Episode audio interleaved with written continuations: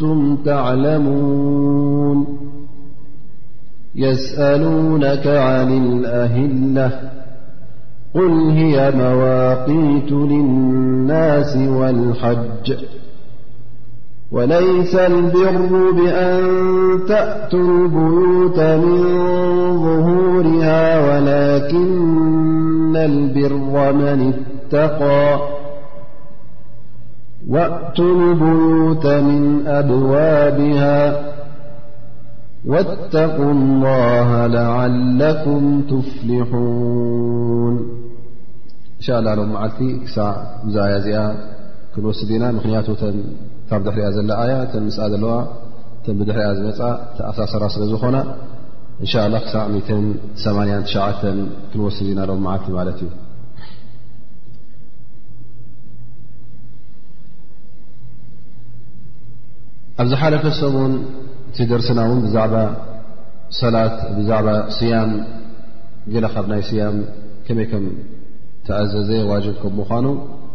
ኣላ ስብሓን ወተዓላ ፈርዲ ከም ዝገበሮ ጠቂስና ነርና እቲ ምስኡ ዝተኣሳሰረ እውን ብዛዕባ ናይ ስያም ጠቂስና ነርና ማለት እዩ ሕጂ እውን እዛ ኣያ እዚኣ እቲ دنبታት ي صيم زي تገልፅ እ يقول الله سبحانه وتعالى أحل لكم ليلة الصيام الرفث إلى نسائكم هن لباس لكم وأنتم لباس لهن علم الله أنكم كنتم تختانون أنفسكم فتاب عليكم وعفى عنكم ثم قال فالآن باشروهن وابتغوا ما كتب الله لكم ኣላህ ስብሓን ወተዓላ ኣብዚ ኣያ እዚኣ ነቶም ሙእምኒን ዝሃቦም ፍቓድ ይገልፅ ማለት እዩ ምኽንያቱ መጀመርያ እቲ ስያም ዝተኣዘዘ ፈርዲ ስያም ስኮነ እታ ዘፍጥሩላ ግዜ ሓፃር ግዜኣ ነራ ማለት እዩ ፀሓይ ዓረበት መቕሪብ ምስኣተዎ ማለት እዩ ሳዕ ኣልዕሻ ኣብዚ ሰዓት እዚ ይበልዑን ይሰትዩሉን ከምኡ ውን እንተ ድልት ናይ ሰበይቱ ኣለዎ ኮይኑ ውን ስጋዊ ርክብ ክፍፅም ወተባዕታ ይኹም ጓል ንሰይቲ ምስ በዓል ቤታ ማለት እዩ ኣብዚ ሰዓት እዚ ትፍቀደሎም ነሩ ማለት እዩ እንተ ደኣ ደቂሶም እውን ፍቀድ ኣይነበረን ድሕሪ ልዕሻ ብልዒ ይፍቀድን እዩ ስጋዊ ርክብ ክትገብር ውን ወይከዓ ስጋዊ ርክብ ክትፍፅም ውን ኣይፍቀድን እዩ ነሩ ማለት እዩ ከምኡ ውን ተደቂስካ ማለት ወላ ውን መቕሪብ ኣኺሉ እሞ ከዓ ከይበላዕካ ከለካ ንኣብነት መቕሪብ ኣኺሉ ከሎ ከይበላዕካ እ ደቂስካ ላስ እታ ግዜ ናይ ብልዒ ሓሊፋትካ ማለት እዩ እዚ እቲ መጀመርያ ዝነበረ ማለት እዩ ምክንያቱ ኣላ ስብሓን ወተላ እቲ ትእዛዙ ስያም እዩ ነሩ እታ ውስንቲ ሰዓት እውን ኣብዛ ሰዓት ጥራይ ገይርሎ ነሩ እቲ ናይ ፍጥሪ ነገር ከፍጥሩ ማለት እዩ ፈብዚ ግዜ እዚ እታ ግዜ ሓፃር ስለ ዝነበረት ብዙሕ ተሸግሮም ራ ማለት እዩ ነቶም ኣስሓብ ነቢ ለ ላ ለ ወሰለም ሓደ ግዜ ካብቶም ኣስሓብ ነቢ ለ ላ ለ ወሰለም ቀስ እብኒ ሱርመተ ኣንሳር ዝተባህለ ነይሩ እዚ ሰብ እዚ እውን ምሉእ መዓልቲ ማለት እዩ ከምቲ ኩላና ንፈልጦ ስራሕ ኣብቲ ግዜ እቲ ዝነበረ ወይ መሕረስ ወይ ከዓ ምስ ተኣሳሰረ ናይ ምድሪ ስራሕ ክነይሩ ማለት እዩ ክትኩዕት ክትጉልጉል ትውዕል ወይ ውን እንተ ጃርዲን ኣሎ ኮይኑ ውን ኣብቲ ተምሪም ማይ ክግልሉ ማይ ከፍስሱ ኣብቲ ኩዕት ኣብቲ ክብል እዩ ዝውዕል ነይሩ ማለት እዩ እዚ ሰብ እዚ ኣብኡ ዩ ዝውዕል ኩሉ ግዜ ስራሕ ምሉ መዓልቲ ክሰርሕ ውዕል ፀሙ ውዒሉ ገዙ ይኣቱ ማለት እዩ መቕሪብ መስኮነ ገዛ መፅኡ ሰበይቱ ፈጡር ኣለና ዶ ድብላዕ ኣለና ዶ ኢሉ ይሓታ ማለት እዩ ከዛ ሰብ እዚኣ ወላ የብልናን ኢላቶ ግን ኣብ ሽር ሕጂ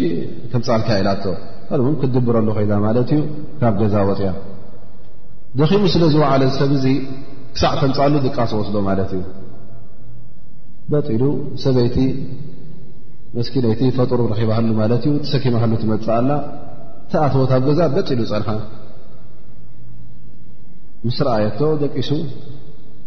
ደቂስካ ኢላ እ ኸይ በተለክ ላስ ከይዳተካ ማለት እዩ ሓሊፋቶ ማለት እዩ መስኪና ይተሲኣቶ ኣልም ላስ ከምታ ግብታ ላ ስለ ዝደቀሰ ኣይለኸፈን ማለት እዩ ከይለኸፈ እታ ስያሙ ይቕፅላ ማለት እዩ እንደገና ምሉእ መዓልቲ ክውዕል ማለት እዩ ኣብ ርእሲኡ ስራሕ ኣለዎ ክሰርሕ ዝውዕል ፍርቂ መዓልቲ ክኸውን ከሎ ይደክም ማለት እዩ ደኺሙ እውን ብጠጠው ከሎ ይወድቕ እዚ ጉዳይ እዚ ተረኺቡ ንነቢና ሙሓመድ ለ ላ ለ ወሰለም እውን ከምዚ ዓይነት ሽግር ከም ዘሎ ይነግርዎ ማለት እዩ ኣብ ርእሲኡ እውን ኣብዚ ግዜ ኣብዚ እዋን እዚ እውን እቲ ግዜ ከምቲ ዝበልና ፀቢብ ስለ ዝነበረ ገለገለ ሰባት እውን ወላ ድሕሪ ዕሻ ከላእ ተ ጠሚዮም ስለ ዝኾኑ ወላ ኣልዕሻ ምስ ሓለፈት እውን ዳርጋ ይበልዑ ነይሮም ማለት እዩ ወይ ከኣ ንምሶም ይቐርብዎን ነይሮም ማለት እዩ ምኽንያቱ እታ ግዜ ንኽትበልዕን ንኽትፀባብ ስለ ዝነበረት ኩሉ ክርክብሉ ስለ ዘይክእሉ ሓድ ሓደ ግዜ ይኻልፉ ነይሮም ማለት እዩ ጠርዕሻ ምስ ሓለፈ እውን ሓደ ሰብ ጠሚኡ ወይ ከዓ ድልት ናይ ስጋዊ ርክብ ኣለዎ ኮይኑ ይጋገ ማለት እዩ ስለዚ ጉዳይ እዚ ክርከብ ስለ ዝጀመረ እዚ ሽግራት እዚ ተራእዩ ማለት እዩ ናብ ነቢና ሙሓመድ ለ ላ ለ ወሰለም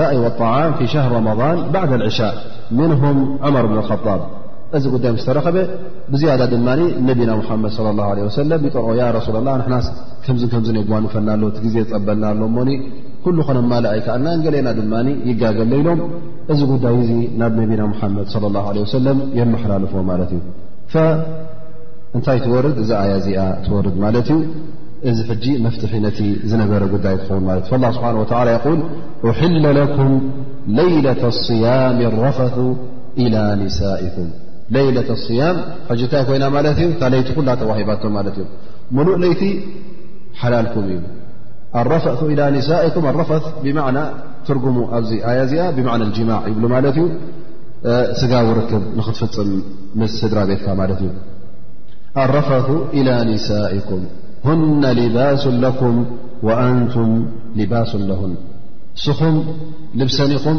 እሰን እውን ልብስኹም እየን ብማዕና ዑለማ ልብስኻ ክበሃል እንከሉ ኢሎም ሁና ሰከኑ ኣለኩም ልክዕ መንበሪኹም እየን እትነብርሉ ልክዕ ከም ትነብረሉ ገዛ ከምኡ ወይ ከዓ ልባስ ኣለኩም ብክቱር እቲ እስኻን እታ ሰበይትኻ ወይ በዓልቲ ቤትካን ምልጋብኩምሲ ልክዕ ከም ክዳን ተላጊብኩም ኢኹም ነንሕትኩም ስለ ተቐራረብኩም ሓደ ሰብ ክዳንካ ሕጂ ካብ ነብስኻ እንተፈሊኻዮ ጥራይ ነብሳ ዓ ትኸውን ስለዚ ኩሉ ግዜ እቲ ዝቐረበ ነገር ኣብ ስውነትካ ዘሎ ኣብ ኣካላትካ እንታይ እዩ ትኽዳንካ ልክዕ ከምኡ እያ ወይ እውን እብሉ ሁና ሊባሱ ለኩም ኣንቱም ሊባስ ለሁና ና ሲትሩ ለኩም ኣንቱም ሲትሩ ለሁ ማለት እሰን ንዓኻይ ሰትራኻ ካብ ጌጋ ምውዳቕ ካብ ሓራ ምውዳቕ እስኻ ድማ ንዓኣ ትሰትራ ካብ ጌጋ ምውዳቕ ማለት እዩ ስትር ማለት መከላኸሊ ወይ ከዓ ካብ ጌጋ ንኸይትወድቕ እሳ ውን ጌጋ ንኸይትወድቕ ነንሕድኩም ትሰታፈሩ ማለት እዩ ብሓላል ናብ ነዛ ሰበይትኻ ትረክብ እሳ ውን ብሓላል ንዓኻ ትረክብ ማለት እዩ ላ ስብሓን ወተላ እቲ ኣብ መንጎ ሰብኣይን ሰበይትን ዘሎ ርክብ ቀሊል ከም ዘይምዃኑ ብጣዕሚ ርጒት ከም ምዃኑ ብጣዕሚ እውን ብቀሊል ነገር ክፈላለ ከም ዘይከኣል ስለ ዝኾነ ኣላ ስብሓን ወተላ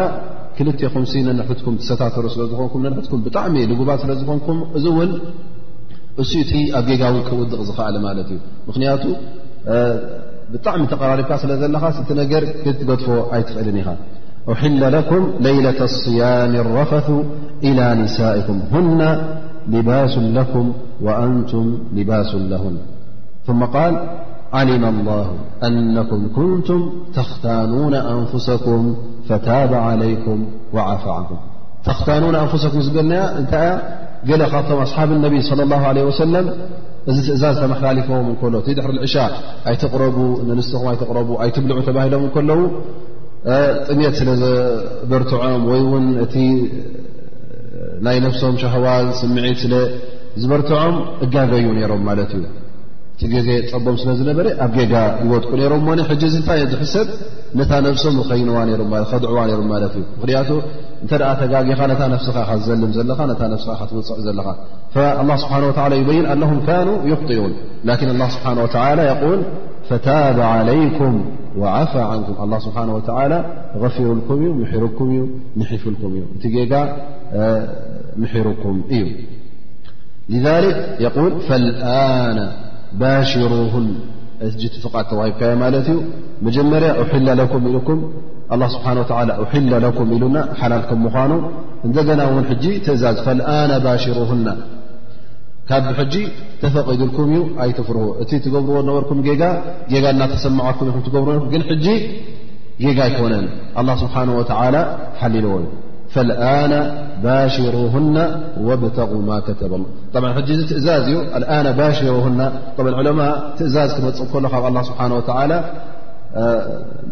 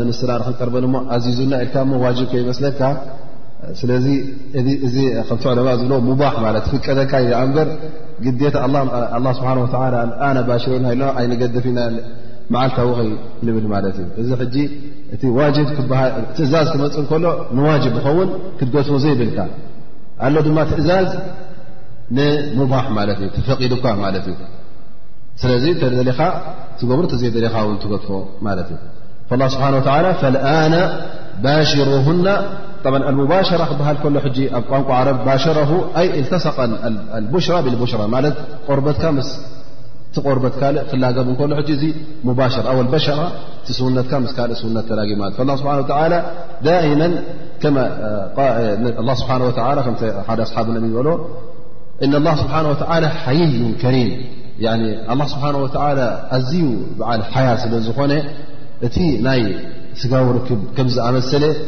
በቲ ቀንዲ ሽሙ ኣይጠቕሶን እዩ ሕጂ ኣብቲ ቁርን እተ ርእና ጅማዕ ዝብል ወይ ከዓ ኒካሕ ዝብል ወይ ከዓ ኣረፈት ዝበሃል እዚ ኩሉ ሕጂ ቀጥታ ስሙ ኣይኮነን ነቲ ስጋዊ ርክብ እትብሎ ወይ ከዓ ስጋዊ ርክብ ትፍፅሞ ቀንዲ ሽሙ ኣይኮነን ግን እዚ ሕጂ ኒካሕ ማለት ሕጂ ምትእትታው ማለት እዩ ተናካሓቲ ኣሽዳር ብሃቋንቋ ዓረብ ማለት ተኣታትዩ ክኸውን ከሎ ማለት እዩ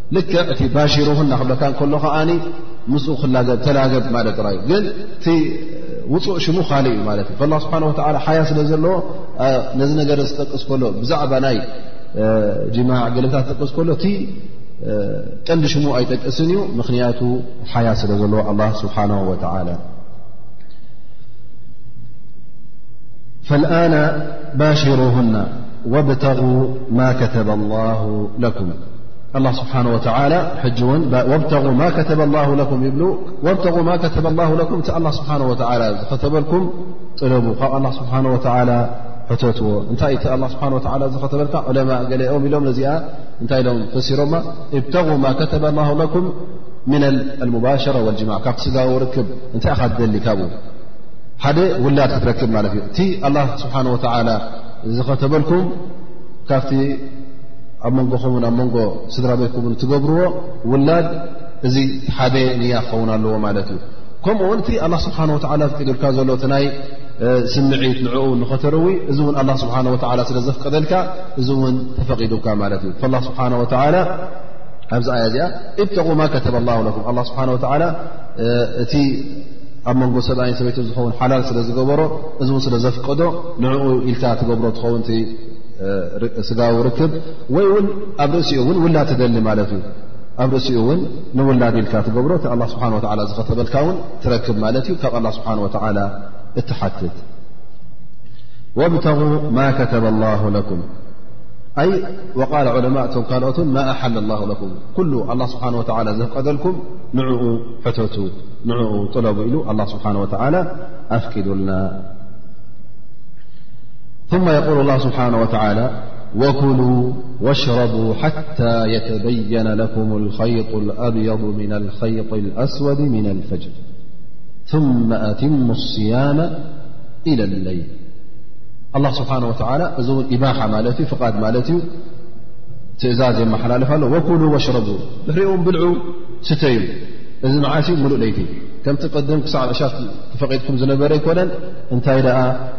ብልዑን ስተዩን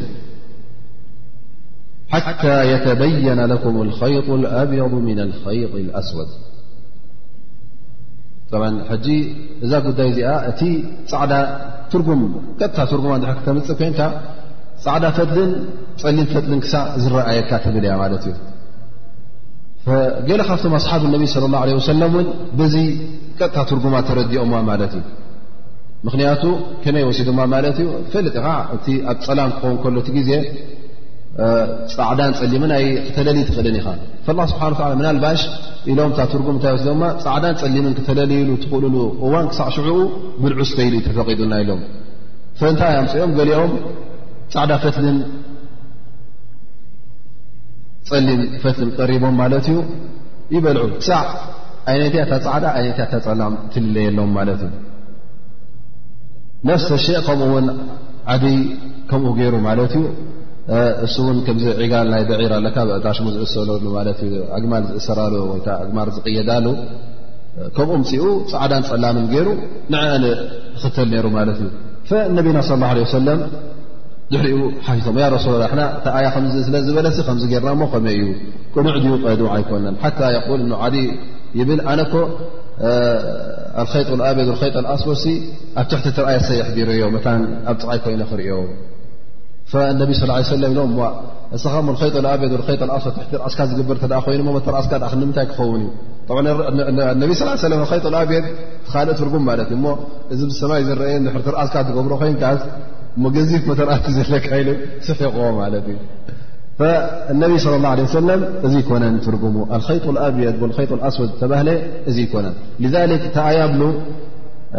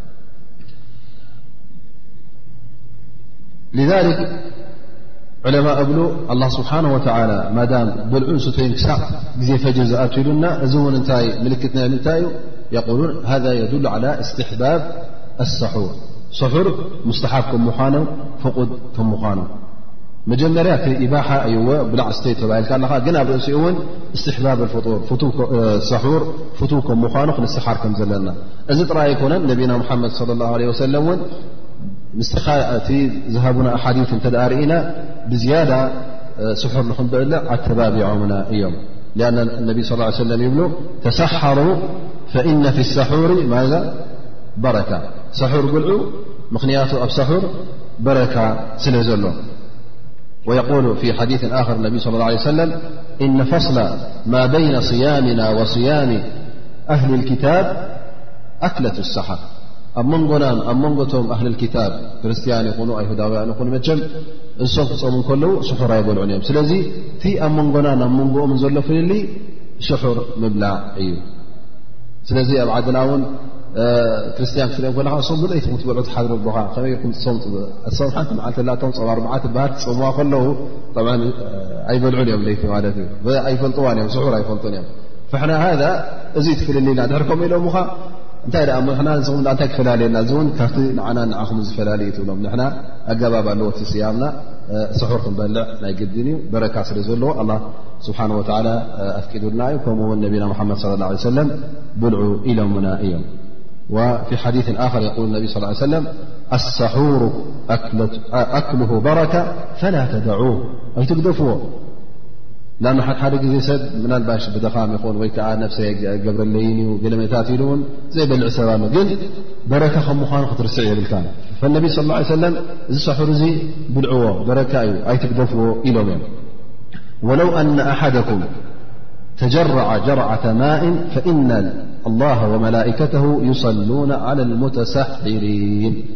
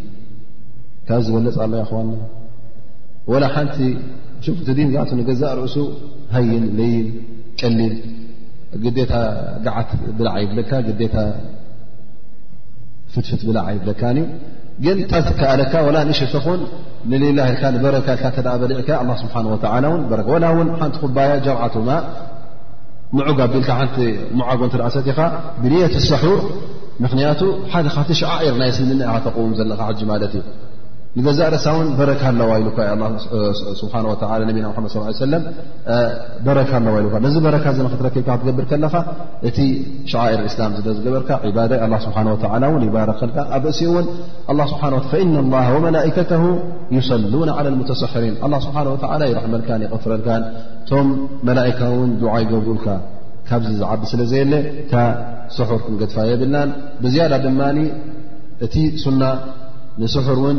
ፍርቂ ለይቲ ኣይኮነን ዝብላ ሰዓት ክልተ ሰዓት ሓደ ኣይኮነን እንታይ ደኣ ናብ ፈጅሪ ክቐርብ ኣለዎ ክትደንጉዮ ኣለካ ምክንያቱ ካብ ድራር ክፈክልለ ኣለዎ ማለት እዩ ذሊክ ዑለማ እብሉ ይስተሓቡ ተኣኪረ ስሑር ሓታ ኣብቲ ግዜ ነቢና ሓመድ ስ ሰለ ኣብቲ ኣስሓብ ነቢ ስ ሰለም ዝነበርዎ የደንጉይዎ እዮም ነሮም ذ ذክር ነቢ ስ ሰለም ሓደ ግዜ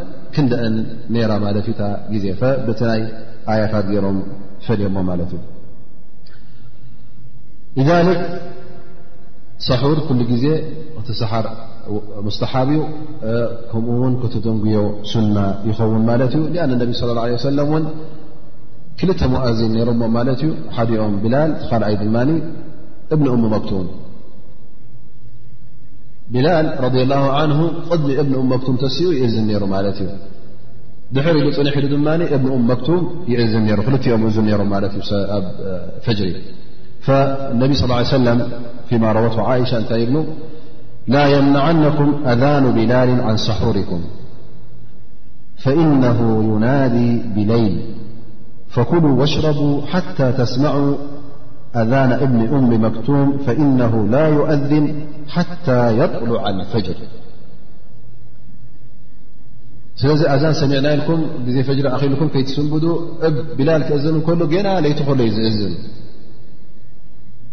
ምኽንያቱ ክእዝን ከሎ እቲ ሰላት ሌል ክሰግድ ዝደሊ ገና ፈጅሪ ከይኣተወት ከላ ይሰግድ ክሰሓር ዝደሊ ይትስ ሸሑር ይበልዕ ማለት እዩ ፈኩሉ ወሽረቡ ብልዑ ሰይ ትብርሁ ክሳዕ እብኒ መን እብኒ እሙ መክቱም ዝእዝን ምኽንያቱ እብኒ እሙ መክቱም መዓሲ ዝእዝን ፈጅሪ ምስ ኣኸለ ልክዕ ፈጅሪ ምስ ወፀ ማለት እዩ ذልክ እነቢ ስ ሰለም እቲ ዝሃብዎ ምልክት ምስቲ ኣብቲ ግዜ ዝነበረ እቲ ኣዛን ናይ ቢላልን ኣዛን ናይ እም መክቱምን ፍልልዮም ነጊሮሞ ማለት እዩ ኣብ ርእሲኡ እውን ምናልባሽ ቆዋሚ ግዜ ክኾነልካ እተ ኮይኑ ምናልባሽ ኣዛን ቢላል እም መክቱም ኣብ መዲና ጥራይ ነይሩ እቶም ኣስሓብ ነቢ ስ ሰለም ግን ኩሎም መዲና ይነበሩ ፈቐዶ ጀዚረት ዓረብ እዮም ነሮም ከምኡውን ኣብ ፈቐዶ ዓለም ክኾኑ እዮም ማለት እዩ ነቢ ስ ሰለም ነዚ ነገር ዚ ውን ክውስንዎ ከሎ ይብሉ ለይሰ ፈጅሩ ሙስተጢል ፊ ፍቅ ወላኪን ኣልሙዕተርض ኣሕመር እቲ ኣፈላልያ ናቱ ማለት እዩ እቲ ባና ናይ ፈጅሪ ክበሃል እንከሎ እቲ ብለይቲ ትሪኦ ፃዕዳ ባና ኣይኮነን ሓደ ሓደ ግዜ ገና ፈጅሪ ከኣ ከሎ ከሎ ኣብ ሰማይ ከምዝፅዕዱ ዝበለ ባና ትርኢ ማለት እዩ ብሸነኽ ንጎኒ ኣምሲሉ ወይከዓ ትኽኢሉ ንሰማይ ገፁ ይረአ ማለት እዩ ሊዛሊክ እዚ ፈጅሪ ኣይኮነን እንታይ ደኣ ይብሉ ፈጅሪ እቲ ቅይሕ ዝበለ ባና ክወፅእ እንከሎ እሱኡ እቲ ፈጅሪ ኣኪሉ ዝበሃል ፊ ለፍظ ኣክር እነቢ ስ ሰለም እንታይ ኩሉ ወሽረቡ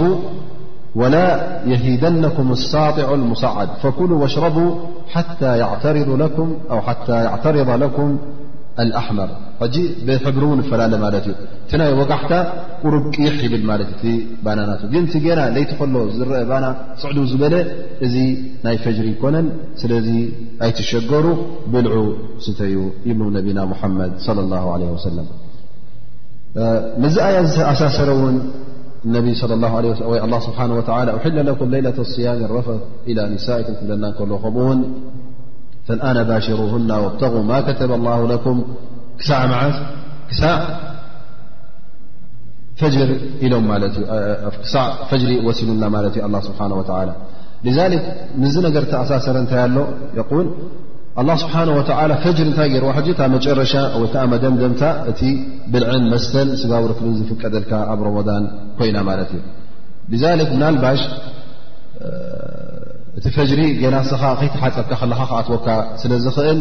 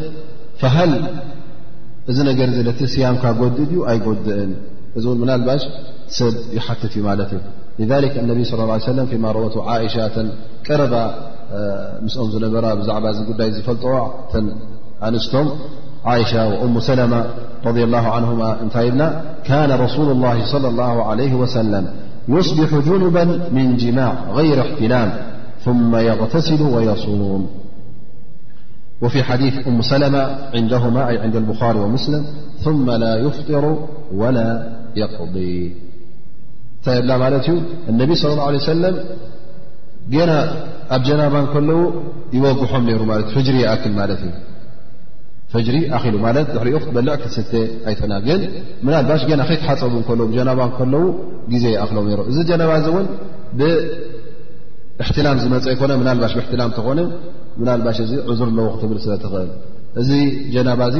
ብስጋዊ ርክብ ዝፈፀምዎ ስለ ዝነበረ ነቢና ሓመድ ስ ሰለ ዋላ ፈጅሪ ክኣክሎም እከሎ ድሕሪ ፈጅሪ ይሕፀቡ ነይሮም ማለት ዩ ተሓፂቦም ሰጊዶም ሶሞም ይቕፅሉ ነይሮም ማለት እዩ ስለዚ እቲ ጀናባ ቅድሚ ስያም ወይከዓ ቅድሚ ሰዓት ምእካሉ ተገበረ እንተ ክሳዕ ድሕሪ ፈጅሪ ፀኒሑ ነቲ ስያምካ ኣይትንክየልካን እዩ ኣይጎድኣልካን እዩ ማለት እዩ ኣነ እሙ ሰለማ እንታይ ማ ላ ይፍጢሩ ወላ የቅዲ ኢላ ብዝያዳ ኣረጋግፃ ማለት እዩ ማለት ብድሕሪ ዚ ወላ እውን ኣብ ኪብዎ ከሎ እቲ እዋን ኣብ ግዜ ጀናባ ከሎ ኣየፍጥር ዩ ነሩ ማለት ሓሊፋ ሎ መዓልቲ ኣብ ግዜ ጀናባ ርኪባኒ ኢሎም የፍጥሩ ይነበሩን ከምኡ ውን ነዛ መዓልቲ እዚኣ ይቀድዋ ኣይነበሩን ነቢና ሙሓመድ ለ ላ ለ ወሰለም ከምኡ ውን ሓደ ግዜ ናብ ነቢና ሙሓመድ ሓደ ሰብኣይ ካብቶም ኣስሓብ ነቢ ስ ሰለም መፅኡ ኣነ ረጅላ ቃል ያ ረሱላ ላ تدركني الصلاة وأنا جنب فأصوم جنب جناب تك ل ر اصلة صلاة الفجر فر يل صمي يقل كم يا رسول الله ل ت نبا محمد صلىى الله عي سلم فانب صلى اه يه وسلم ل وأنا تدركني الصلاة وأنا جنب فأصوم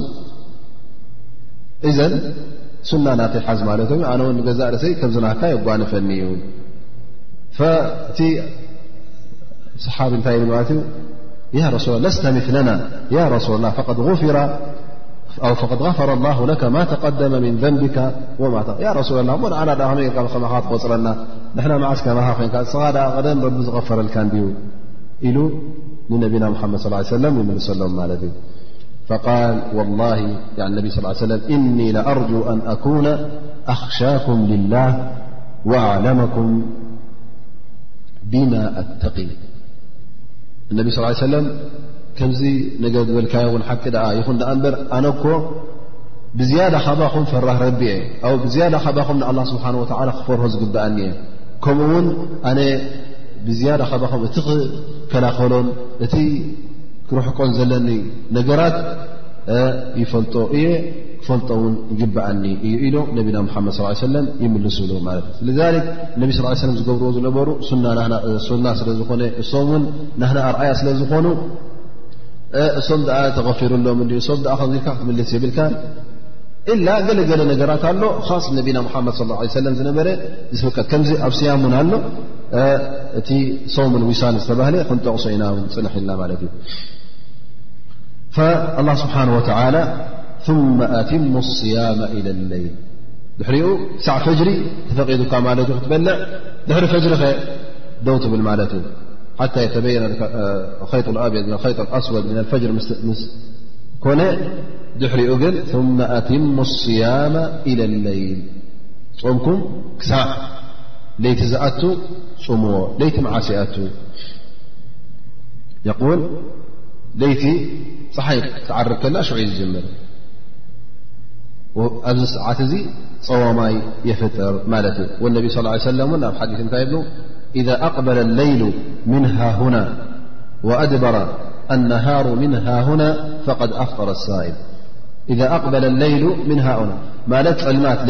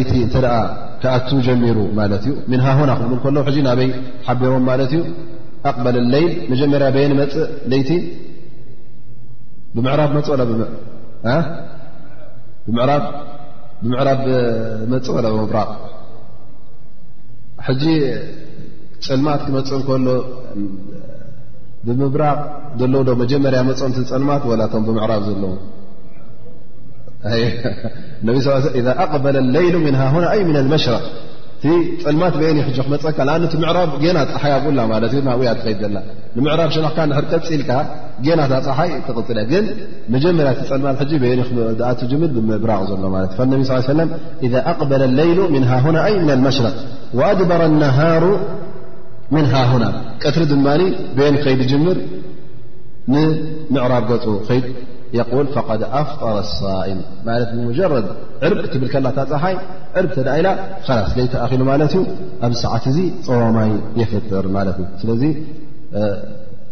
ናይ ስያም ተፍጥረሉ እዋን በታ ፀሓይ ተዓርበላ ሰዓት እያ ከምኡ ልክዕ ከምቲ ኣብ ፈጅሪ ወይከዓ ኣብ ሰላት ኣብ ሳሑር ክሳዕ ፈጅሪ ደንጉይሉ ነቢና ሓመድ ስ ሰለም ዝኣዘዝዎ ኣብ እፍጣር እውን ኣይትደንጉዩ ምኽንያቱ ላ የዛሉ ናሱ ብኸይር ማ ዓጀሉ ፍጥር ነቢ ስ ሰለም ደቂ ሰብ ማለትም ኣስላም ብር ኣብ ሰናይ ኣለዉ ማለት እዩ እንተ ደኣ እታ ፍጥሮም ኣብታ ሰዓታ ብእዋና ዘፍጥርዋ እተ ኮይኖም ንእሕትያጥ ንክንረጋገፂ ኢልካ ቁርብ ፅንሕ ኢልና ቁርብ ይፀልምተና ኢልካ ክትደናጉ ኮንካ እዚ ኣላ ስብሓን ወላ ይፈትዎን ይር እውን የብሉን ምክንያቱ እነቢ ስ ሰለም ምስ ፀሓይ ዕርብ ተ ፍጥር ኢሎምኻ ስለምንታይ እሕትያጥ ወዲ እሕትያጥ ተእትወላ እቲ እነቢ ስ ሰለም ገዲፎምልካ ዘለዉ ኣ ስብሓ ወላ ገዲፍልካ ዘሎ ኣያን ብሩህ ስለ ዝኾነ ባዕልኻስ ክትወሳስኽ የብልካ ምክንያቱ እቲ ትእዛዝ ኣላ ስብሓ ወላ ቐጥ ኣቢልካ ክትሕዞ ኣለካ ዳኣ እምበር ንመጠንቀቕታ ክኾነኒ ወይ ከዓ ንኸይጋገ እሕትያጥ ክኾነኒ ኢልካስ ባዕልኻ ኣይትወሳስኸሉ ማለት እዩ ወከ ፊማ ረዋ እማም ኣሕመድ ነቢ ስ ሰለም ይብሉ የል ላ ዘ ወጀል ሓዲ ቁድሲ ማለት እዩ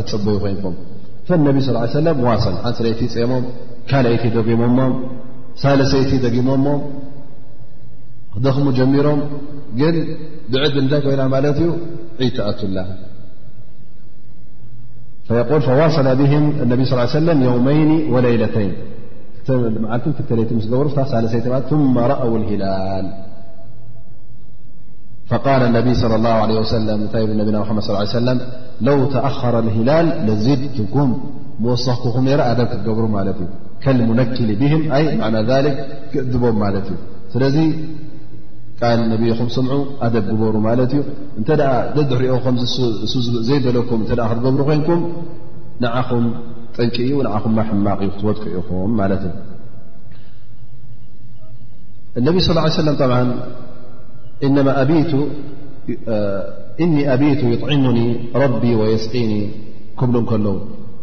እዚ ብልዒ እዚ ከመይ እዩ ነይሩ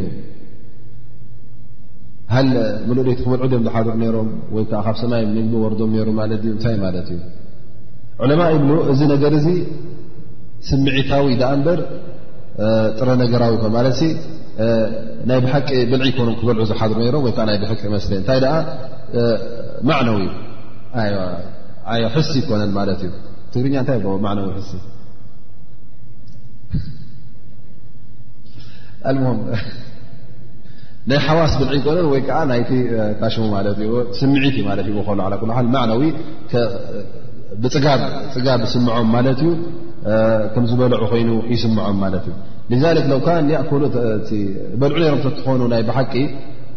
ዊሳላ እውን ኣይመተባህለን ነይሩ ማእኸላስ ሙሉእ ክበልዑ እም ዝሓደሩ ነይሮም ከመይ ጌርካ ዊሳል ክበሃል ذክ ዊሳል ተባሂሉ ቀፂሎም ማለት ፀሞም ግን ኣ ስብሓ ወላ ይዕግቦም ነይሩ ማለት እዩ ስምዒቶም ልክዕ ከም ዝበልዑን ከምዝሰተዩን ከምዝረወዩን ኮይኑ ይስምዖም ነይሩ ማለት እዩ ዕለማእ ግን ሓንቲ ነገር ኣብ ናይ ዊሳል ዘፍቀድዋ ኣላ እሳ ድማ ኢሎም እንተ ሓደ ሰብ ዊሳል ገብር ኮይኑ ክሳዕ ሽሑር ይፍቀዶ እዩ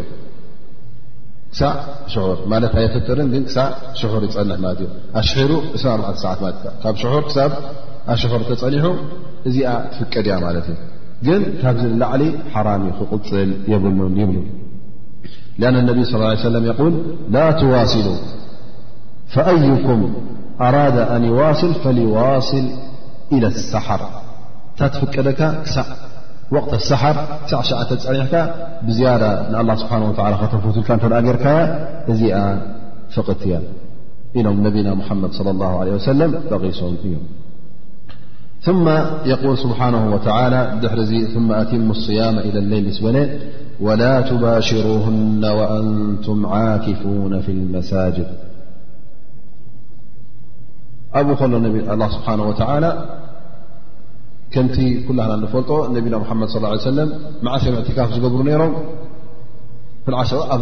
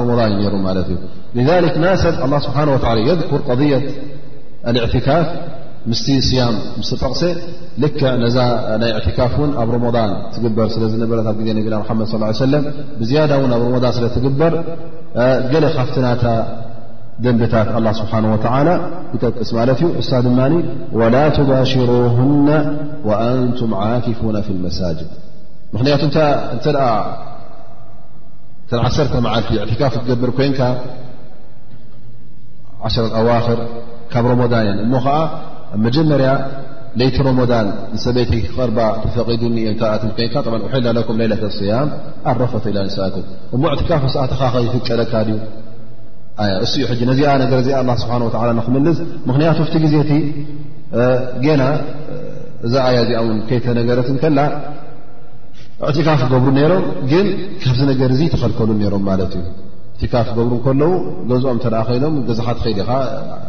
ኣድላይ ነገር ክገብር ክትበልዕ ክትሰቲ ወይ ከዓ ምስራሕ ሽቓቕ ንክትኣቱ ከምዚ ዓይነት ነገራት ደሩር ዝኾነ ኣድላይ ዝኾነ ኢልካ ትኸይድ ኢኻ ማለት እዩ ላ ስብሓን ወተላ ኣብኡ ኮይዱ ከለዉ ንንሶም ይቐርቡ ነይሮም ማለት እዩ ላ ስብሓን ወተላ በየን በዛ ኣያ እዚኣ ገይሩ እንተ እዕትካፍ ኣቲኹም ኣለኹም ንንስትኹም ኣይተቕረብዎን ፈፂምኩም ንንስቲ ክትቀርቡ ኣይፍቀደኩምን ኢሉ ኣላ ስብሓን ወተላ ውሳነ የመሓላለፍ ማለት የል ወላ ትባሽሩሁና ወኣንቱም ዓኪፉና ፊ ልመሳጅድ ለይቲ ይኹን መዓልቲ ይኹን እዕትካፍ ተ ገርካ ወላ ውን ኣብዘይ ረመዳን ን እዕትካፍ ይግበር እዩ ጃኢዝ እዩ ለይቲ ይኹን መዓልቲ ክትቀርብ የብልካ ኣብ ረመዳን ተኣ ኮይኑ እታ ትፍቀድ ንገዛእ ርእሳ ብለይቲ እያ ታብለይቲ እውን ተኸልኪልካ ማለት እዩ ወኣንቱም ዓኪፉና ፊ ልመሳጅድ ትዕትካፉ ናብ ምንታይ ዝኸውን ኣብ መስጅድ እዩ ዝኸውን ዕትካፍ ክበሃል ከሎ ከም ትኩላና ንፈልጦ ሊላ ኢልካ ንውሱን መዓልታት ንውሱን ሰዓታት ኣብ መስጊድ ንዕባዳ ኢልካ ከተሕልፎም ከለካ ከይወፃእካ ኩሉ እቲ ሰዓታትካ ንህየትካን ኣብ ዕባዳ ንክተሕልፎ ኢልካ ነብስኻ ኣብ ውሽጢ መስጊድ ክትኣስር ወይ ከዓ ክትሕበስን ከለኻ ማለት እዩ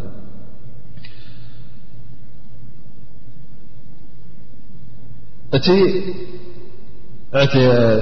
መንሂ ድማ እቲ ተኸልከለኸ እንታይ እዩ ብ ኩሉ ሙባሸራ ዝበሃል ነገር ጥራይ እቲ ስጋዊ ርክብ ኣይኮነን እቲ ናብኡ ዝደፋፍ እውን ንዕኡ ክትገብር የብልካን ማለት እዩ እቲ ናይ ስጋዊ ርክብን እቲ ናብኡ ዝደፋፍኣካ ናይ ስምዒት ምትንኻፍ ማለት እዩ ክቀራረብን ክተናኸፍን የብልካን ግን ካልእ ዓይነት ምትንኻፍ ምክንያቱ ትባሽር ውን ናይ ተባሂ ዘሎ ኣላ ቱላሲቃ በሸረተካ በሸረትሃ ማለት እቲ ትርጉሙ ቀል እተዳሪና ግን እቲ ኣላ ስብሓን ወላ ዝብሎ ዘሎ እቲ ናይ ስጋዊ ርክብን እቲ ንዕኡ ናብኡ ዝደፋፍእን ናብኡ ዘቀራርብን ማለት እዩ ግን ከም ካልእ ነገር እንተ ገለ ክትበካ ኮይኑ ወይ ከዓ ንዓኻ መፅያ ገለ ሂባካ ብልዕ ክትበካ ድሕር ተንኪፋትካ ምንም ሽግር የብሉን ትዕቲካፍ ናካ ኣይበላሾን ማለት ብኢትካ ማለት እዩ ጦር ተናኺፍካ ሽግር ኣይኮነን ግን ስምዒታዊ ምትንኽኻፍ ክኸውን የብሉን ሊክ ኣ ነቢ ስ ሰለም ገዛእ ርእሶም እዕትካፍ ገይሮም ከለዉ መስጅድ ብመስኮት ወይከዓ በቲ መስኮት ንርእሶም ኣውፃእ ኣቢሎም ንሰይዳ ዓእሻ ረ ላ ዓንሃ ይቕርቡላ ነይሮም ሰይዳ ዓእሻ ርእሶም ትምሽጠሎም ነይራ ማለት እዩ ስለዚ ክኣቱ ከሎውን እንተ ንገዛ ኬትካ ውን ምናልባሽ ተ ብኢትካ ተንኪፍካ ገለመታት እዚ ምንም ሽግር ይብሉን ግን ስምዒታዊ ምትልኻፍ ከም ዘይብሉ እዩ እቲ ቐንዲ ጉዳይ ማለት እዩ እዛ ልክ እቲ እዕትካፍ ክበሃል ከሎ ኩሉ እቲ ሰዓታት ካብ ምንታይ ክጠፍእ ኣለዎ ኣብ ዕባዳ ክጠፍእ ኣለዎ ግዜ እውን ክተጠፍእ የብልካን እቲ ግዴታዊ ኣድላይ ዝኾነ ነገራት ንዑ እተ ወፅእካ ውን ወይ ገዛኻ እተ ከትካ ክዳን ክትቅይር ነብስኻ ክትሕፅብ ወይከዓ ሸቃቅ ክትኣት ከምዝኣመሰለ እተ ኮይኑ ትኸይድ ኢኻ ክትበልዕ ክትሰቲ ኣብኡ ዘምፅኣካ እተ ዘየለ ስለዚ እዚ ሰዓታት እዚ ኣብቲ ኣድላይ ነገር ተጥፍኦ እተ ኮይንካ እዚ እዩ እቲ ዝፍቀደካ ከምኡ ውን ወላ እውን ሰብ ሕሙም እተ ኣለ ኮይኑ እቲ ዝያረት መሪድ ንገዛእ ርእሱ ድልዩ ዒባዳ ወይ ውን ኣላ ስብሓን ወላ ዝፈትዎ ይኹን ዳኣ እምበር ናብ ሕሙም እውን ክትበፅሕ የብልካ እተ እናሓለፍካ ሓቲትካሉ ግን ምንም ሽግር የብሉ እናሓለፍካ ከለኻ ከመይ ኢልካ ከመይ ኢሉ ሓዲሩ ፍላ ሓሊፍካ እዚ ጃይዝ እዩ ግን ደው ኢልካ ንዑ ክትዝያዳ ክትገብረሉ ደው ኢልካ ክትሓትት ኣይፍቀደካ ኣ ነቢ ስ ሰለም ኣይገበርዎን ን ኣየፍቀድዎን ስለዚ ትዕትካፍ ኩሉ ኣብ ምንታይ ክኸውን ኣለዎ ኣብ ዒባዳ ክሓልፍ ኣለዎ ንኣላ ስብሓን ወተላ ኩሉ ሰዓታት ንዕኡ ክኸውን ኣለዎ ማለት እዩ ذ ነቢ ስ ሰለ ን ከምቲ ዝበልናዮ ኣንስቶም ውን ይመፅኦም ነሮም ኣብቲ መስጊድ ከለዉ ገለ ፍርቂ ሰዓት ይኹን ገለ ሰዓት ይኹን ውን ይዛረቡ ነሮም ኩሉ ዕፁብ ኣይኮነን እንተ ገለ ሰዓታት ን ተዛሪብካ ውን ፍቁድ እዩ ማለት እዩ ኣ ነቢ ስ ሰለ ሓደ ግዜ ሶፊያ ረ ላ ዓንሃ መፅኣቶም ማለት እዩ ኣብ መስጊድ ስለ ዝነበሩ ሶም ሕጂ ንገዛ ምኻድ ገዲፎ ሞ ስለዚ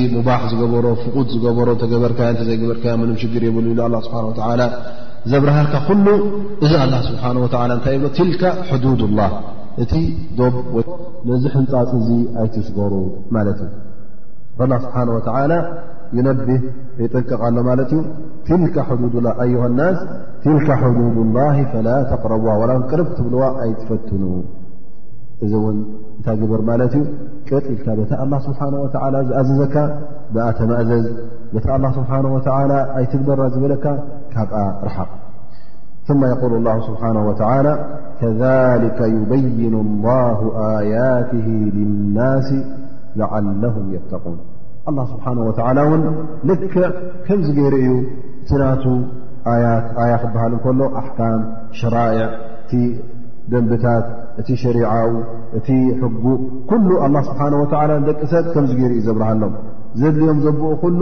ኣይሓብኦን እዩ እንታይ እንታይ የድልዮም እንታይ እቲ መሰረት ሃይማኖቶም ከመይ ከመይ ገይሮም ንኣላ ስብሓን ወላ ይግዝእዎ ከመይ ገይሮም ነቲ ዕባዳ የቕምዎ ነቲ ስያሞም ነቲ ዘካቶም ነቲ ስያሞም ከመይ ከይሮም ነዚ ጉዳያት እዚ ከም ዘቕምዎ ኣላ ስብሓን ወተላ ኣብርሁ እዩ ዝነግሮም ከሊከ ይበይን ኣይ ይወድሕ የብርህ ማለት እዩ ኣጠልሚት ይገድፎን እዩ ብሕቡእ ሸፊኑ ኣይገድፎን እዩ ንውሱናት ሰባት እውን ኢሉ ኣይክልክሎን እዩ እንታይ ደኣ ንኩሉ ሰብ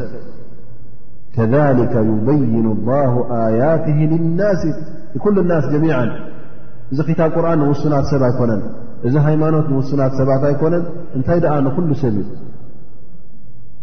ንኩላህና እውን እቲ ናይ ኣላ ስብሓን ወተዓላ ደንብታትን ሕግታትን ይበርሃልና ማለት እዩ ስለምንታይ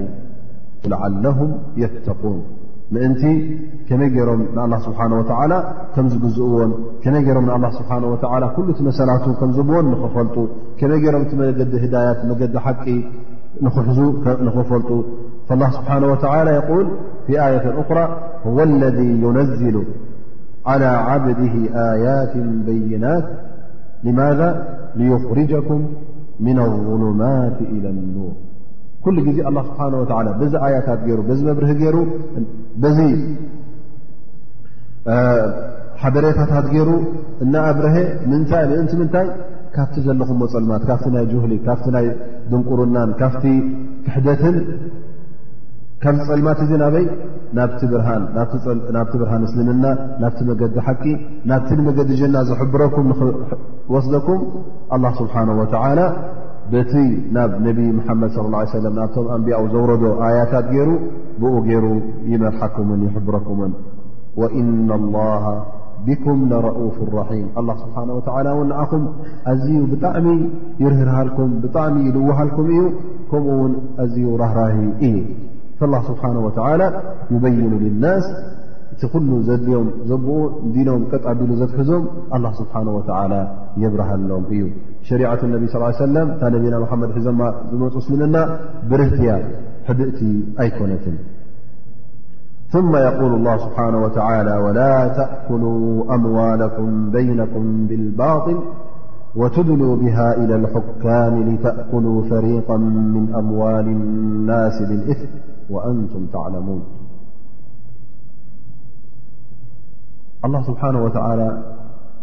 ስያም ክኾኑ ከሎ ኣይትብልዑን ኣይትብልዑ ይትብልዑ ኢሉ ኣዚዙ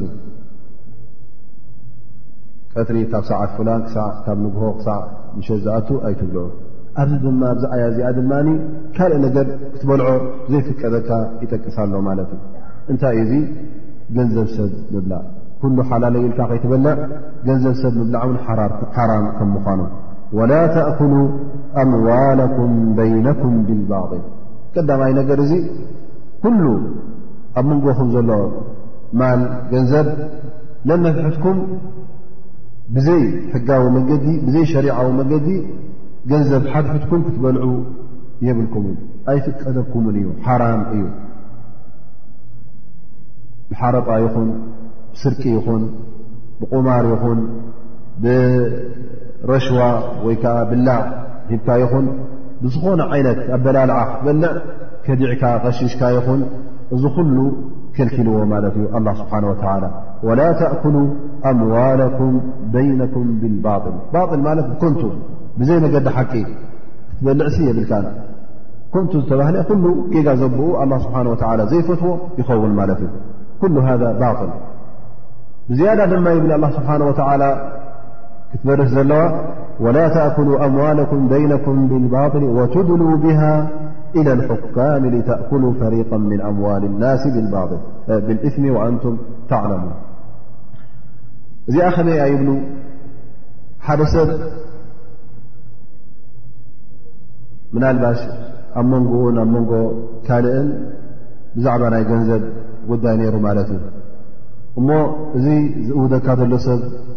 መርትዖ የብሉን መርትዖ ስለ ዘይብሉ ሕጂ ከረኻኸበለይ ኣይክእልን እዩ ብማለት ኪድ ክሰስ እሎ ይኸስስ ኣበይ ክኸሰካ ማለት እዩ ኣብቲ ፈራዳይ ሃኡላ ሁም ኣልሑካም ሕጂ እቲ ፈራዳይ እንታይ ዩ ክገብር ኣብ ልበኻ ዘሎ ይፈልጥ ታሪክኩም ኣይፈልጥ እንታይ እዩ ዝርኢ መስረጅምፂ እዩ ዝብለካ ወይ መርትዖ ሒዝካ እንታይ ኣለካ ስኻ ነዚ ሰብ እዚ ገንዘብ ከም ዝሃብካዮ ኣነ ዋላ ሓንቲ በስሱ ኣለቅሓኒ ኢልዎም መንጎ ክልተና እዩ ነይሩ እዚ ገንዘብ እዚ ለቂሐ ትብል ማለት እዩ ወይ ከዓ እዚ ገንዘብ እ ብከምዚ ዓይነት ገረ ሂበዮ እዚኣ ሸይጠሉ ፍርቃ ከፍ ኢለኒ ፍርቃ ኣይከፈለኒን መቸም ብዘለካ ማለት እዩ እሞ እንታይ ኣለካ ምስክር ዘለዉካ ትበሃል የብለይ ምስክር ፀሓፍኩሞ ኣሎ ዘበልኩሞ ኩሉ የለን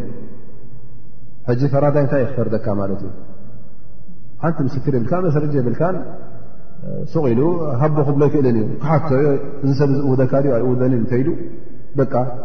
መሰርጂ ተለዎ መሰርጂ የቕርብ ኣነ ዝእውደኒ ይፈልጥን እየ እንተ ደ ኢሉ ሕጂ ፈረዳይ እንታይ እየ ክትፈርድ እዚ ሰብ እዚ ገንዘብ የብሉ ወይ ከዓ እተ ገንዘብ ኣለዎ ኮይኑ ውን ብዘይ ብካልእ ታሽ እተ ኮይኑ ዘይገንዘቡ ክቦ ማለት እዩ ሕጂ እንታይ ኣ ክትገብር ዘለካ ማለት እዩ ዝፈረዳይ እዚ ሕጂ ይፈርደልካ ማለት እዩ እዚ ሰብ እዚ ከምዚ ገንዘብ የብልካን ወይ ከዓ እተ ኣንፃር ኮይና እውን ትእወድ እንተ ኮንካ ርካ እዚ ሰብ እዚ ክምዝእውደካ ኢሉ ክምዝሃቦ ትበሃል ማለት እዩ ብወጅ ሓቂ ኹን ብዘይ ወጅ ሓቂ እዚ ጉዳይ እዚ ሕጂ በዚ ፈራዳይ ዝመፀካ ዘሎ ነቲ ሓራም ሓላል ኣይገብሮን ማለት እዩ ማለት እታይ ወትድሉ ብያ ኢለልሑካም ናብቶም ፈረድቲ ኣይተፀግዕዎ እሱ ምንም ኣይጠቅምን እዩ ዝብ ዘሎ ኣላ ስብሓ ወተላ እሶም ፈሪዶም ለ ኢልካ ከይትበልዕ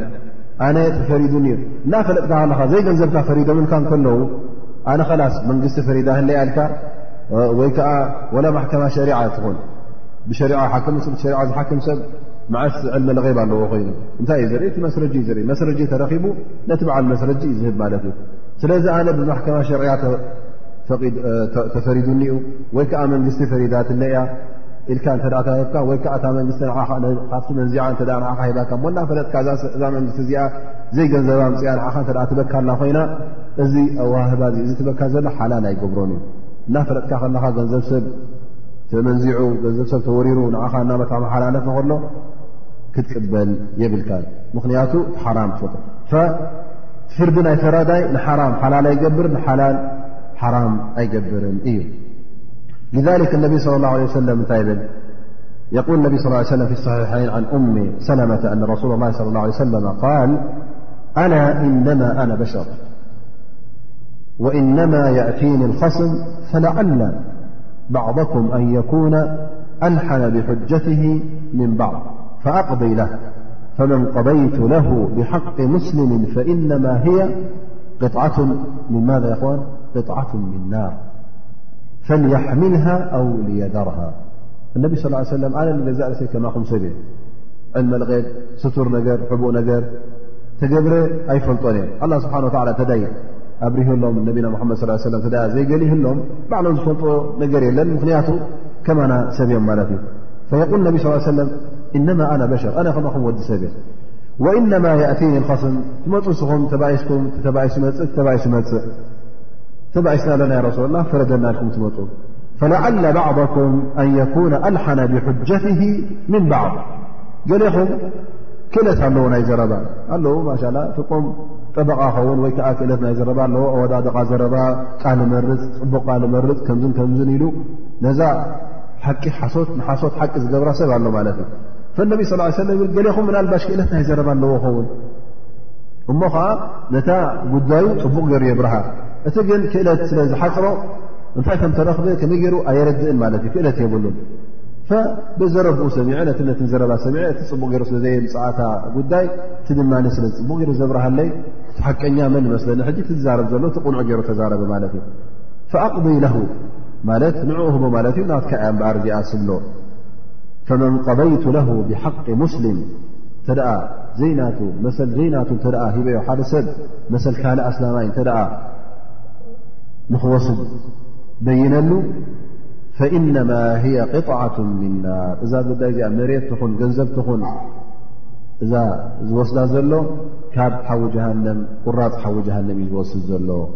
እምበር ካልእ ይወስድ የለን ፅባሕ ንኮ እዛ ጉዳይ እዚኣ እንታይ ማለት እዩ ኣብቲ ሓዊ ጀሃንም እሳት ኮይና ክትፀንሖ እያ ብኣ ኣብቲ እሳት ክሳቐ እዩ ፈያሕምልሃ ኣው ልየደርሃ ህወ ብልክያር ናቱ ምርጫ እዩ ተደለየ ዝሓዊ እዚኣ ይሰከማ ይውሰዳ ዝዓዛብ እዚኣ እዛ ስቓይ እዚኣ ተደለየ ድማ ረቢ ፈራሕ ረቢ እተ ኮይኑ ካብኣ ይርሓቕ ይግደፋ ይብሉ ነብና ሙሓመድ ለ ላ ለ ወሰለም ስለዚ እቲ ፍርዲ ከምቲ ዝበልናዮ ነቲ ሓራም ሓላል ኣይገብሮ ፍርዲ ፈራዳይ ንሓራም ሓላል ኣይገብር ንሓራም ሓላል ኣይገብር እታ ናህካ ኩሉ ግዜ ናካ እያ እታ መሰልካ ተሓቅኻ ናካ እያ እቲ መሰል ናይ ካልእ ድማ መሰልን ሓቅን ናይ ካልኦት እዩ እዚ ነገር እዚ ብፈራዳይ ኣይወሰንን እዩ ተሓቂ እውን ኣይትቕየርን እያ እዚ ሰብ እዚ እዚ ፈራዳይ እዚ በቲ ዝረኸቦ መርትዖታት በዚ በቲ ዝረኸቦ መስረጂታት ብኡ ላዕልን ታሕትን ኢሉ ብዝከኣሉ መጠን እጅትሃድ ገይሩ ተቓሊሱ እንተ ደኣ ውሳነ ሂቡ እዚ ፈራዳይ እዙ እንተ ደኣ ነታ ፍርዲ ፈሪድዋ ኣጅሩ ኣይተርፎን እዩ ወላ እውን ይጋገ ኣጅሪ ኣለዎ ምኽንያቱ እሱ ነቲ ዝተረኣየሉ መስረጂታት ነቲ ተዋህቦ መርትዖታት ብኡይ ዝኸይድ ዳኣ እምበር ካልእ ካብ ኢዱ ወፃኢ እዩ ካልእ ነገር ዝገብሮ የለን ስለዚ እቲ ፈራዳይ ዘንቢ የብሉን ወላ እውን ዘይናካ ይሃብካ ዳኣ እምበር እንተ እቲ መስረጂታት ቁኑዕ መገዲ ተኸቲሉ ዘይናትካ ወላ እውን ይሃብካ ኣጅር ኣለዎ ማለት እዩ ምክንያቱ እሱ በተን ኣብ ቅድሚ ዝፀንሖ መስረጂት ብኣ ስለ ዝኸደ ግን እቲ ዘንቢ ናብ መን እዩ ዝኸውን ናባኻ ንስኻ እናፈረጥካ ዘይናትካ ከሎ ዘይሓቅኻ ከሎ ፈራዳይ ፈሪዱኒ እዩ ፈራዳይ ሂቡኒ ኢልካ ክትበልዕን ዘይናትካ ክትበልዕን ዘይናትካ ክትሰትን እንከለኻ እቲ ሓራም ናባኻ ይኸውን ማለት እዩ ፈናፈለጥካ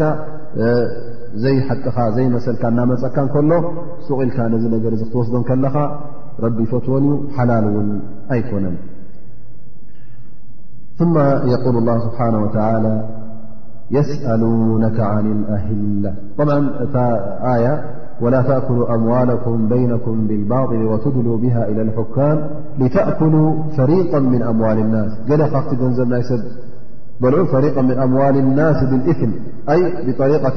ይሪ ሰሊማ ብሪቀት ወይከዓ ትገባብላታ መገዲ ሓቂ ዝሓዘት ኣይኮነትን እንታይ ደኣ ዘንቢን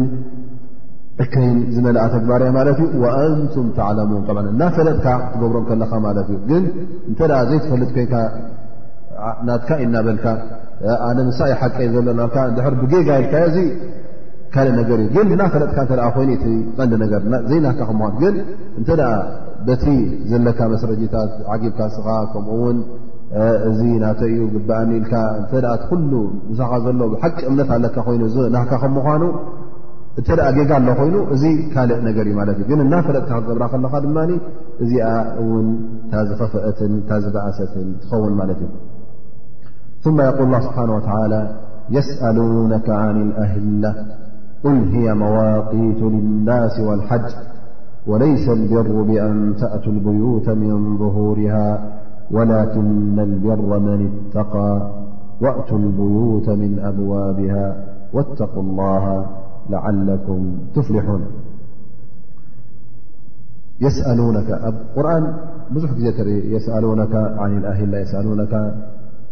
ን ከምር የስኣልወነካ ን ضያ ከራ ን ሻሃር ሓራም ይሓቱ ነይሮም ማለት እዩ እዚ እንታይ ዘርእካ እቶም ኣስሓብ ነቢ صለ ላه ለ ወሰለም ኩሉ ነገር ካብ ኣብ እስልምና ካብ ኣተዉ ካብቲ ነቢና ሙሓመድ صለ ላه ለ ወሰለም ዝበሎም ክወፁ ደል ነበሩ ገለ ነገር እተ ጥርጥራ እንተ ከመይ እያ ዘይፈልጥዎ እተ ኮይኖም ኩሉ ግዜ ይሓቱ ከም ዝነበሩ ይሓት ማለት እዩ ካኑ ሓሪሲን ዝያዳ ክህጋገዩ ኣብ ጌጋ ከይንወድቕ ብማለት ይሓቱ ነይሮም ማለት እዩ የስኣሉ ነብይ ለ ላ ሰለ ሓደ ካብቲ ሕትኦም የስኣሉነካ ዓን ኣሂላ ብዛዕባ ኣሂላ ጀምዒ ሂላል ናይ ወርሒ ማለት እዮም ሓይቶሞ ክልተ ዓይነት ሰዋል እዚ ወርሒ እዚ ይብሉ ሰሓበት ነቢ ስ ሰለም ስለምንታይ እዩ ንእሽተይ ይጀምር ዳሕራይ ዓቢ ዳሕራይ ንእሽተይ ይኸውን ወይ እውን ኣላ ስብሓን ወተዓላ እዚ ናይ ወርሒ ጉዳይሲ ስለምንታይ ወርሒካ ስለምንታይ ፈጢርዋ ዝብል ሕቶ ይሓቱ ማለት እዩ ኣላ ስብሓን ወተላ ክምልሰሎም እንከሎውን በቲ ንዕኦም ዘድልዮምን ነቲ ዲኖም ዘቑመሎምን ይምልሰሎም ማለት እዩ እቲ ንዕኦም ዘይድሊ ንኣብነት ዝሓተትዎ ብዛዕባ ወርሒ እሞ እንተ ደኣ እዛ ወርሒ እዚኣ ከመይ ገይራ ተኸሊቓ ከመይ ገይራ ከትቀየር ኣላ ኣበይ ኮቦትኣ ኣበይ ናይ ዙርያ ከላ እንታይ ኣበይ ናይ ከማዕከን ኣላ ወይ ከዓ ከመይ እዚታት ኩሉ ሕጂ እቲ ኣብኣ ዘሎ ሓመድ እንታይ ይመስል እዚ ኩሉ ኣየድልዮምን እዩ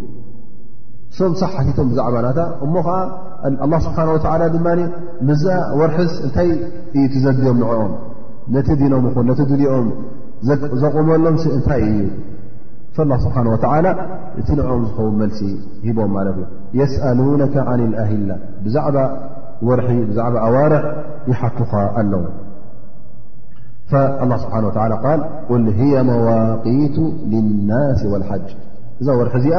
ንደቂ ሰብ መዋቒ ግዜያት ዝፈላልዩላ እያ እንተ ደኣ ኣብ መንጎኦም ስምምዕ ተገይሩ ንሓደ ዓይነት ስምምዕ ናይ ልቓሕ ስምምዕ እተ ኮይኑ ድሕሪ ወርሒ ድሪ ክልተ ወርሒ መልሰልካ ንኽብሉ ወይ ከዓ እንተ ደኣ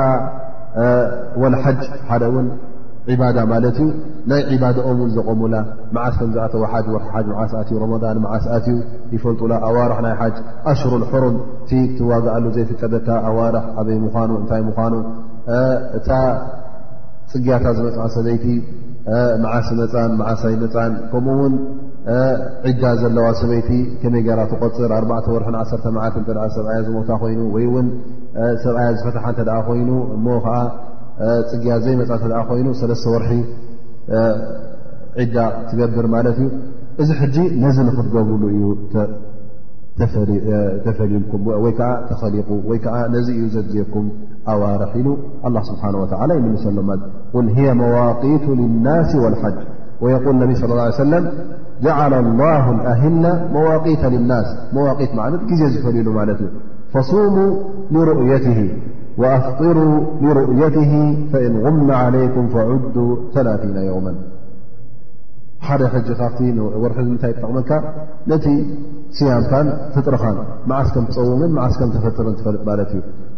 ሰሙን ሩኡየት ወርሒ ክወፅእ ከሎ ወርሒ ትወፅእ ከላ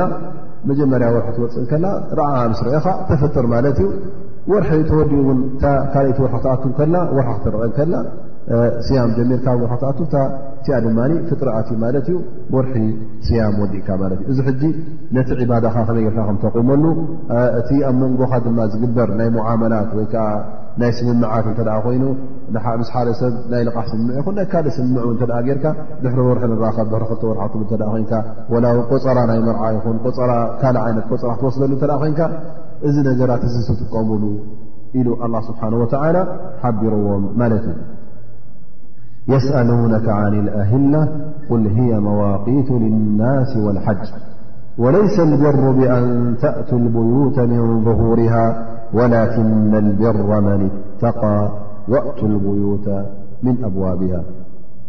ወተق ላሃ ለዓለኩም ትፍሊሑን ቀደም ኣብ ግዜ ጃህልያ ዝነበረ ዓዳ ወይ ከዓ ባህልን ልምድን ማለት እዩ እንታይ ነይሩ እንተ ሓደ ሰብ ብዝያዳ ንሓጀም ኢሎ ሞ ከምኡ ውን ካልእ መገሻ ይብሉ ማለት እዩ ግን ኣብ ክልተ እየን ዘለዋ ግን ኣላ ስብሓን ወተዓላ ምዛ ናይ ሓጅ ኣተኣሳሲሩ ስለ ዝጠቐሳ ምናልባሽ ናይ ሓጅ ትኸውን ማለት እዩ ሓደ ሰብ እሕራም ገይሩ እንተ ካብ ገዝኡ ወፅኡ እሕራም ገይሩ ንሓጂ ዶ እተ ተበጊሱ እሞ ካብ ገዝኡ እተ ወፅኡ እንተ ገለ ደልዩ ንገዛ ወይ ከዓ እቶም ማዕረቱ ንፅናሕ ኢሎ ሞ ክፀንሕ እተ ኮይኑ ንገዛ እተ ክምለስ ኮይኑ እዚ ሰብ እዚ ብኣፍ ደገ ይኣት ይነበረ እንታይ ገብር ነይሩ ከምቲ ዓድና ብሕጓ ዝብልዎ ብሕጓ ይኣት ነይሩ ማለት ዩ ኩም ሰላ ብ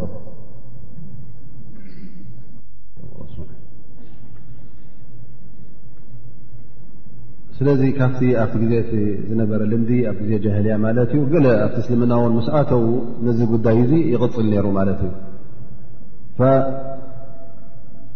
ከምቲ ዝበልናዮ እንተ ኣሕራም ገይሩ ካብ ጎዝ ወፅኡ እተ ገለ ዲዎ ንገዛ ተመሊሱ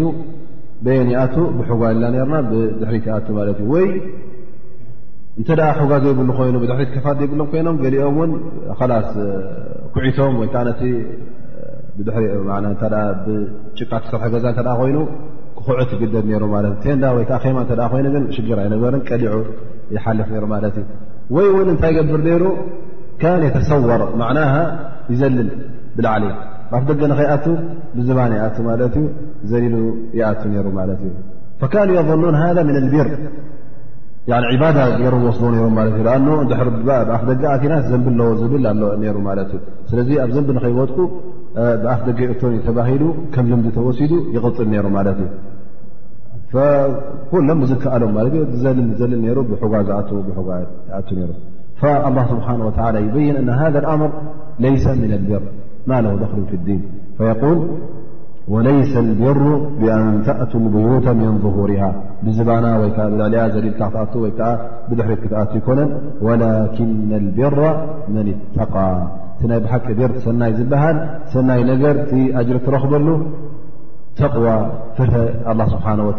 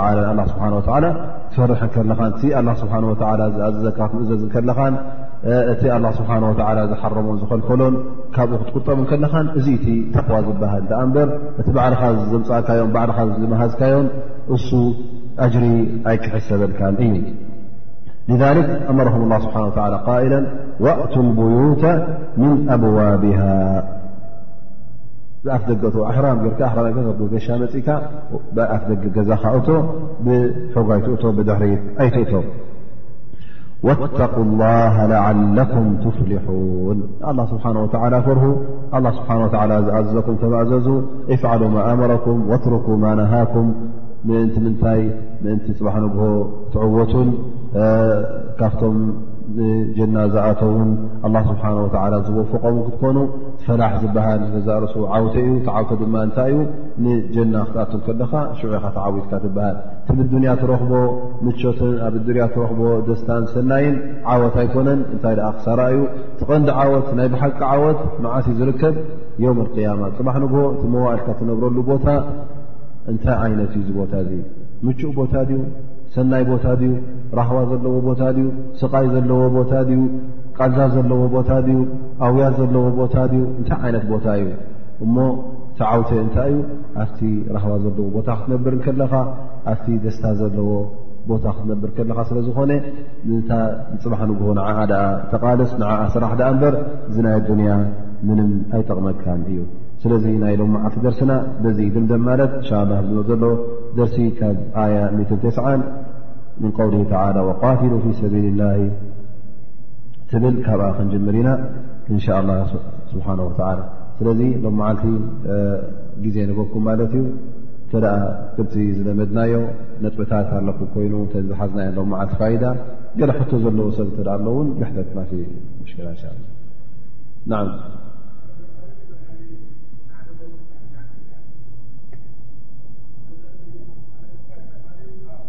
ኣሉኢሉካ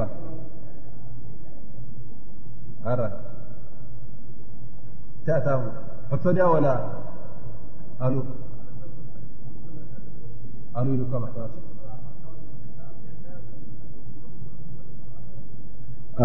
ሕቶ እያ ማለት እዩ እዎ ሓደ ሰብ እንተ ደኣ ትእውዶ ነርካ እሞ ከዓ ማሕከማ ወሲ ኣሉ ኢሉ ካ ማሕከማ ወሲድካ ኣብ ማሕከማ ከ ኣሉ ኢሉ ቀፂሉ ላስ እዚ ሰብ እዚ እስኻ እተ ገንዘብካ ኮይኑ በዓል ገንዘብ ኢኻ እዚ ሰብ እዚ ኣይበካን ይኣሉ እተ ኢሉ እኳ ንቤት ፍርዲ ከተቕርቦ ናካ መሰል እዩ ምንም ሽግ የብሉ ክተቕርቦ ኣለካ ማዳም ነዚ ሰብ እዚ ገንዘብካ ወሲዱ ማለት እዩ ኣብኡ ኮይሉ ድማ ኣሉ እተ ኢሉ ኮይኑ እቲ ዝበልዖ ዘሎ ገንዘብ ቲ ዝወሰዶ ሓራም እዩ ማለት እዩ ወላ ውን ትቃዲ ወላ እውን ይፍረደሉ ንዑ ምሳኻ መስረጂ ብዘይ ምርካቡ እሞ ኣብኡ እስኻ መስረጂ የብልካን እተ ኢሉካ እሱ በቲ ቃዲ ዝፈረደሉ ወይ ከዓ በቲ ቃዲ ዝሃቦ ብኡ እቲ ዝበልዖ ገንዘብ ሓላል ኣይክኸውንን እዩ ምክንያቱ ዘይናት እዩ ዝበልዕ ዘሎ ማለት እዩ ወላ እውን ቃዲ ይፍረደሉ እንቶም ሓልካዮ ድማ ዝያዳ እዚ ጠ ንስኻ ይኮንካ ቶምሕሎ እቲ ቃዲ እዩ ዘምሕሎ እወ እቲ ቃዲ እዩ ዘምሕሎ እታ ዝያዳ ተዓቢ ማለት እዩ እታ ዘንቢ ተምሕሎ እተ ምሒልካ ኣነ ኣይወሰድኩን ኢሉ ወሲዱ ከሎ እተ ምሒሉ ብዝያዳ እታ ዘንቢ ተዓቢ ማለት እዩ ግን እስኻ ዝከኣለካ ጌርካ ማለት እዩ ካብዞ ዳዕሊ ትገብሮ ነገር የብልካ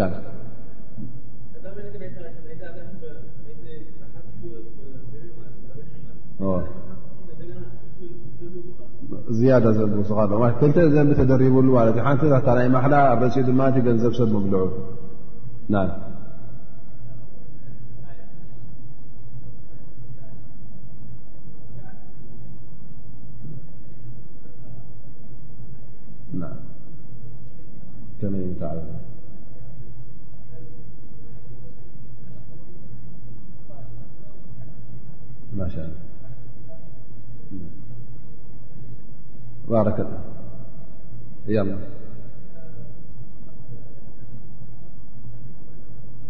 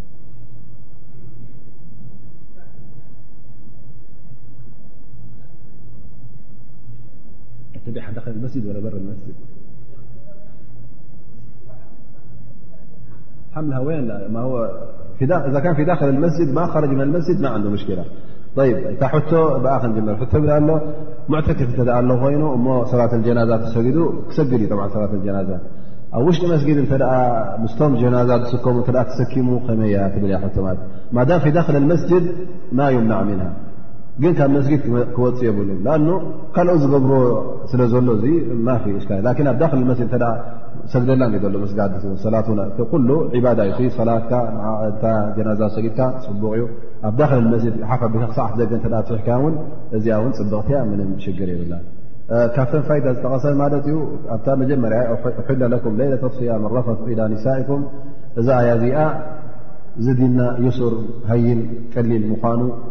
ከቢድ ከምዘይ ምኳኑ ከምቲ መጀመርያ ነሩ ዝኸውን ዝያዳ ውን በርትዓና ነይሩ ኣብ ዝሓለፈ ሰሙን ኣላ ስብሓን ወላ ናይ ስያም ክጠቅስ ከሎ እንታይ ኢልና ነርና ዩሪዱ ላ ብኩም ልዩስራ ወላ ዩሪዱ ብኩም ዕስ ኩሉ ግዜ ኣላ ስብሓን ወላ እዚ ስያም እዚ ክእዞ ከሎ ከፃበበናን ከዳይቀናን ኣይኮነን እንታይ ደኣ ሰፊሕን ቀሊልን ፎኪስን ገብረልና እዩ ቲ ቀንዲ ሸቶ ናይ ኣላ ስብሓን ወላ ኢልና ነርና ስለዚ እዛ ኣያ እዚኣ እውን ነቲ ዝሓለፈ ሰሙን ዝበልናዮ ንዕኡ ተረጋገፅ ማለት እዩ ብዝያዳ ኣላ ስብሓን ወላ ከምታ ናይ ፀባብ ኣይገበራ እታ ናይ ፍጥርና መንጎ መቕሪብና ዕሻ ነራ ትኸውን ንዓና እውን ንኸበዘትና ነራ ማለት እዩ ላ ስብሓን ወላ ኣቃሊሉና ማሻ ላ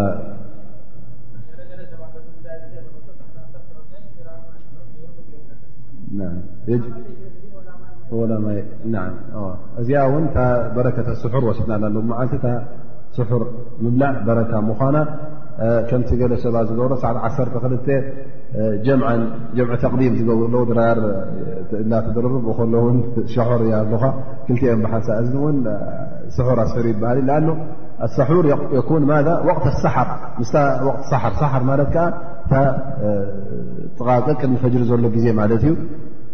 ብድሕሪ ፍርቂ ለይቲ ዝኣቱ መጀመርያ ፍርቂ ድሕሪኡ ድሪ ሰዓት ገለ ሰሓር ይኣቱ ማለት እዩ ስለዚ እቲ ግዜ ሰሓር ክትገብሮ ከለካ እሱ እቲ ግዜኡ እኣና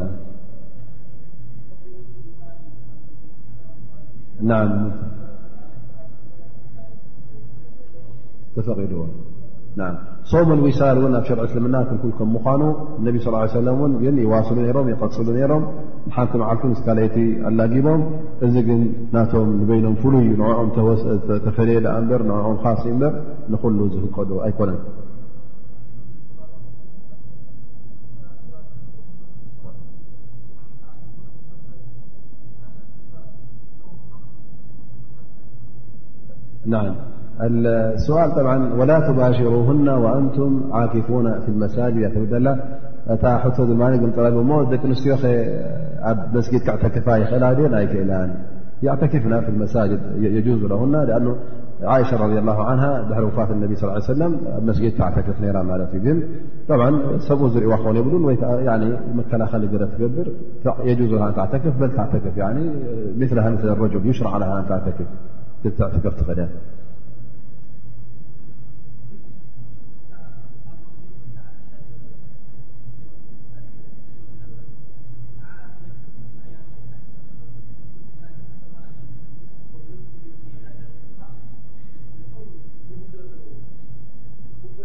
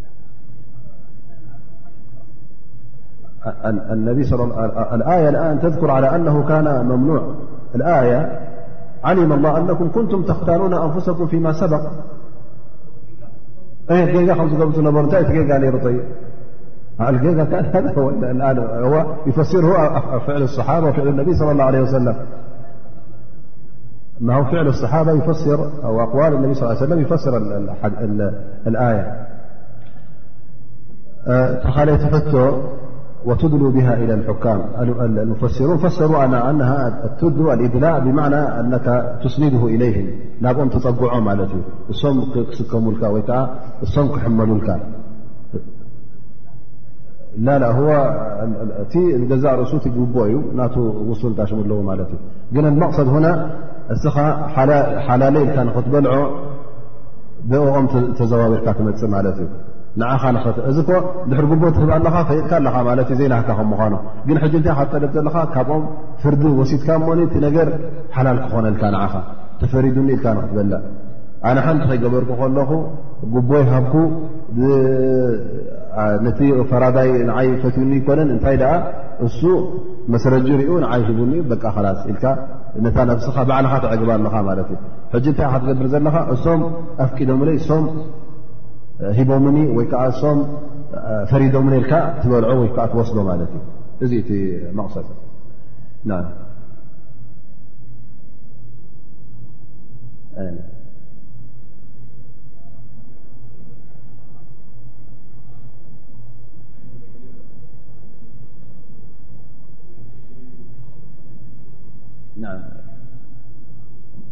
ፈጅሪ ምእታዋ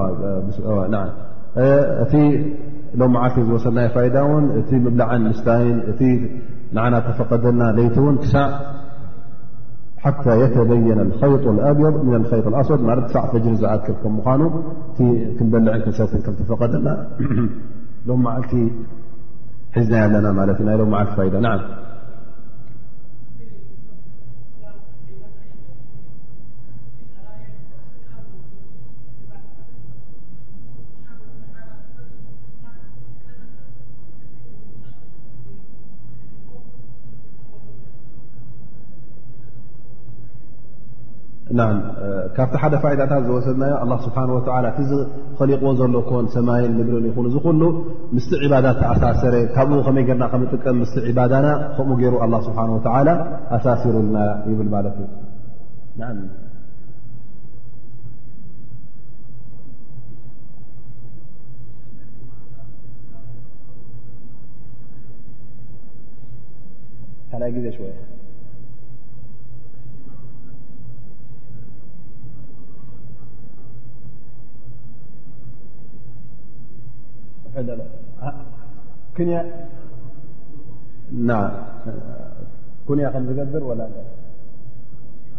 ንዓም እቲ ቃላት ናይ ስጋዊ ርክብ እቲ ብኡ ክንዛረብ ከልና ከምቲ ኣላ ስብሓን ወተላ ዝሓበረና እቲ ቀንዲ ሽሙ ክንጠቅስ የብልናን እንታይ ደኣ ኪናያ ዝበሃል ኣሎ ማለት እዩ ኣላ ስብሓን ወተላ ሙባሸራ ብሙባሸራ ወይከዓ ረፈት ወይ ከዓ ካልእ ሙባሸራ ኢሉ ሂቡ ቃላት ሂብዎ ዘሎ እዚ ሕጂ ንሕና እውን ንዕኡ ተኸትልና ክንዛረብ እተ ኮይና እቲ ውፁእ ቃል